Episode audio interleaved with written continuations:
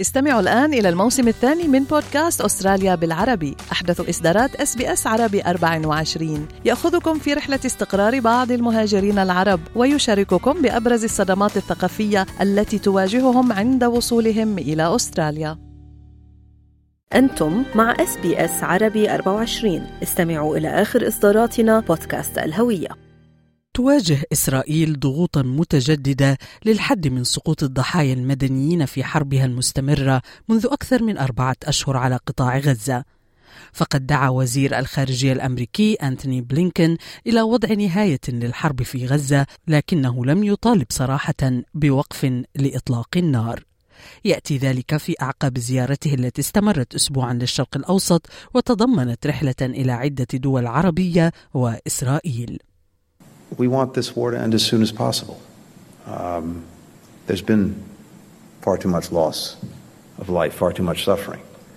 Uh, but it's vital that Israel achieve its very legitimate objectives of ensuring that October 7th can never happen again.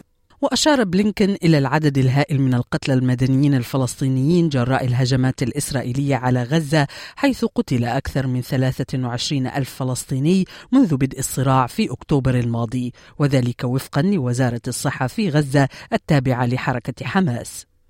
وفي اجتماعه مع القادة الإسرائيليين بما في ذلك رئيس الوزراء بنيامين نتنياهو أكد بلينكن على أهمية عمل إسرائيل مع القادة الفلسطينيين لإنهاء القتال ووضع حلول نهائية للصراع بما في ذلك إنشاء دولة فلسطينية. كما أقر بلينكن بصعوبة مواجهة حركة حماس المسؤولة عن احتجاز 240 رهينة وقتل أكثر من 1200 إسرائيلي في الهجوم الذي شنته في السابع من أكتوبر تشرين الأول الماضي. We know that facing an enemy that embeds itself among civilians, who hides in and fires from schools, from hospitals, makes this incredibly challenging. But the daily toll on civilians in Gaza particularly on children, is far too high. وتأتي تعليقات وزير الخارجية الأمريكي وسط مخاوف من تصاعد المواجهات بين حزب الله وإسرائيل وهي الأسوأ منذ 17 عاما. فقد قصف حزب الله قاعدة للجيش الإسرائيلي يوم أمس الثلاثاء قائلين أنهم لا يريدون توسيع الحرب لكن الهجوم جاء ردا على الاغتيالات الإسرائيلية الأخيرة في لبنان.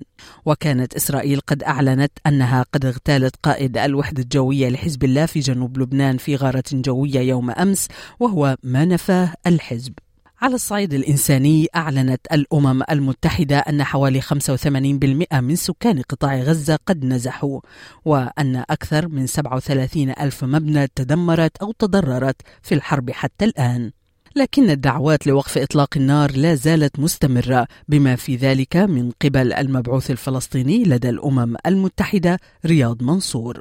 We always welcome any possibility of any outcome that get us closer to the ceasefire. This is our compass. Everything we do, it has to lead us in the direction of a ceasefire. The obstacle is in the Security Council. We need to find a solution to that obstacle and to remove it from the path so that the state of Palestine assume its rightful place as a member state of the United Nations. وعلى الصعيد الحقوقي حثت منظمات إنسانية في أستراليا الحكومة الفيدرالية على دعم جنوب أفريقيا في القضية التي رفعتها ضد إسرائيل بتهمة ارتكاب إبادة جماعية في غزة. وكان جنوب أفريقيا قد تقدمت بطلبها إلى محكمة العدل الدولية في نهاية ديسمبر كانون الأول معلنة أن إسرائيل انتهكت التزاماتها بموجب اتفاقية منع الإبادة الجماعية للعام 1948 بسبب هجومها على غزة. وتفصل الرسالة الواردة من المركز الأسترالي للعدالة الدولية والموجهة للحكومة الفيدرالية في كامبرا الأوضاع في غزة. وتقدم ما تراه دليلا على نية الإبادة الجماعية التي عبر عنها كبار السياسيين الإسرائيليين بمن فيهم رئيس الوزراء بنيامين نتنياهو. ويقول المركز الأسترالي للعدالة الدولية في تقريره In the 13 weeks since Israel began its military operations against Gaza, it has killed more than 22,000 people, 70% of whom are women and children. Gaza's 2.3 million people have been subject to one of the most intense aerial bombardment campaigns in history, with no area in Gaza safe. The UN Secretary General has warned that the people of Gaza have reached a breaking point of deprivation and despair. This must end. In light of the unfolding atrocities in Gaza, we welcome South Africa's intervention at the ICJ and believe it deserves Australia's full support as a state party to the Genocide Convention.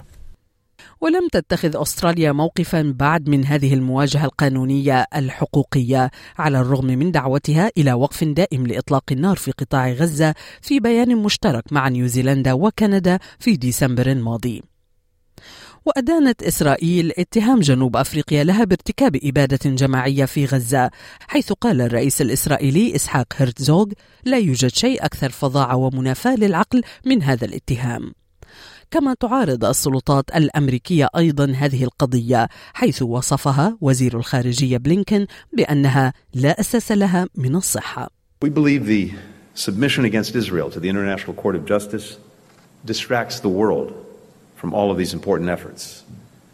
And moreover, the charge of genocide is meritless.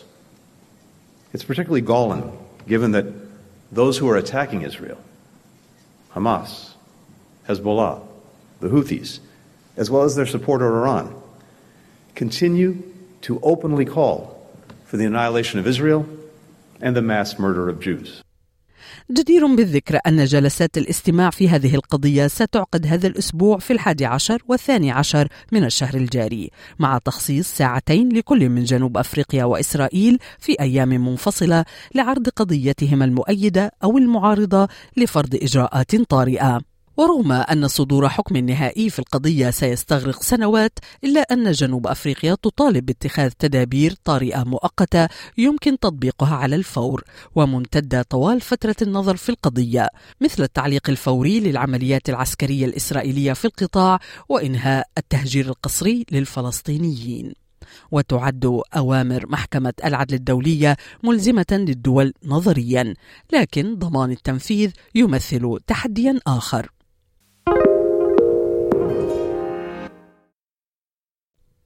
عسكريا بدأ الجيش الإسرائيلي المرحلة الثالثة في حربه بغزة وأعلن المتحدث باسم الجيش الإسرائيلي دانييل هاجاري بدء الانتقال إلى مرحلة أقل كثافة من العمليات في قطاع غزة واستخدام عدد أقل من الجنود وتقليل عدد الضربات الجوية على القطاع.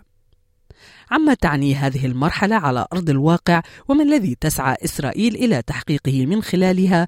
تحدثنا إلى المحلل العسكري عاصم سويد الذي قال.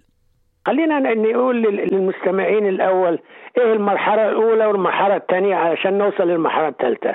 وهل هم أنجزوا أي انتصارات وانجزوا المرحلة الأولى والثانية؟ ولا ما أنجزوش حاجة وهم بس بيحاولوا يوصلوا اي نصر؟ المرحلة الأولى كانت عبارة عن إيه؟ اللي هو التصدي لحماس بعد هجوم 7 أكتوبر على إسرائيل. فالمرحلة الأولى كان تدمير البنية التحتية بتاعت حماس وتحييدها وتدمير شمال غزة وتصفية المنطقة الجنوبية لإسرائيل من قوات حماس. دي المرحلة الأولى وكانت غارات جوية شديدة جدا اللي يعني لغاية الآن دمروا 40% من مساكن غزة ومباني غزة والانفراستراكشر بتاعت غزة البنية التحتية بتاعت غزة. 40% على الأقل. يعني القنابل اللي نزلت على غزة بتعادل القنابل اللي اتضربت على هيروشيما وناكاساكي. القنابل الذرية. الكمية يعني 30 ألف طن من المتفجرات نزلت على غزة. فده المرحلة الأولى. المرحلة الثانية كانت إيه بقى؟ الدخول على المنطقة الجنوبية و أعداد كبيرة من الجنود تدخل على ال ال الوسط والجنوب.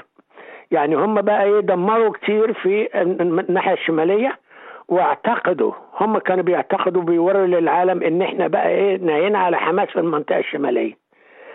وطبعا ده ما حصلش لدرجة إن الآن الآن بعد بعد انتهاء المرحلة الثانية اللي هم بيقولوا عليها حماس بتضرب صواريخ من شمال غزة بتوقع خسائر كثيره للجنود الإسرائيليين والآلات الإسرائيلية في شمال غزة. فالمرحلة الثانية اللي هي إيه داخله على المنطقة الجنوبية اللي هي الوسط ورفح وداخله في الجنوب. على سبيل المثال كان في تسع ألوية إسرائيلية غزت المنطقة الجنوبية وخاصة في خان يونس ورفح والكلام ده. حصل إيه؟ حي الشجاعية ده أصبح مقبرة للواء الجولاني المشهور قوي اللي هم بيشتهروا بيه قوي. أصبح مقبره لهم عشان كده سحبوا الجولاني. ما فيش نصر ما فيش انتصار ملحوظ عشان يوروه للعالم. فطبعا هم عاوزين يعملوا كده ويقول لك بقى إيه؟ المرحلة الثالثة للحرب على غزة. وهي بقى المرحلة الثالثة. غارات جوية محدودة ومدروسة على غزة. يعني بيسموها targeted air strikes مع ملاحقة طبعا قادة حماس. رقم اثنين انسحاب معظم القوات الإسرائيلية من غزة. الاقتصاد واقع وحالتهم يعني صعبة جدا. عاوزين يسرحوا معظم قوات الاحتياط يرجعوا. ثالث حاجة إن يعملوا منطقة عازلة على حدود غزة مع إسرائيل خاصة في الشمال. وهم بقى بيعتقدوا أن المرحلة الثالثة دي هتنتهي بنهاية شهر يناير. الشهر ده يعني. نذكر هنا أستاذ العزيز أن إسرائيل وضعت أهداف تسعى لتحقيقها من عملياتها العسكرية في قطاع غزة أبرزها استعادة الرهائن الذين تحتجزهم حركات وفصائل فلسطينية أخرى منذ السابع من أكتوبر الماضي. أيضا إنهاء الوجود العسكري والسياسي لحماس في قطاع غزة وتحييد القطاع بكامله وجعله يعني لا يشكل خطرا وتهديدا على أمن إسرائيل. هل تتوقع أن تكون المرحلة الثالثة هي المرحلة التي تحقق فيها إسرائيل بعض هذه الأهداف.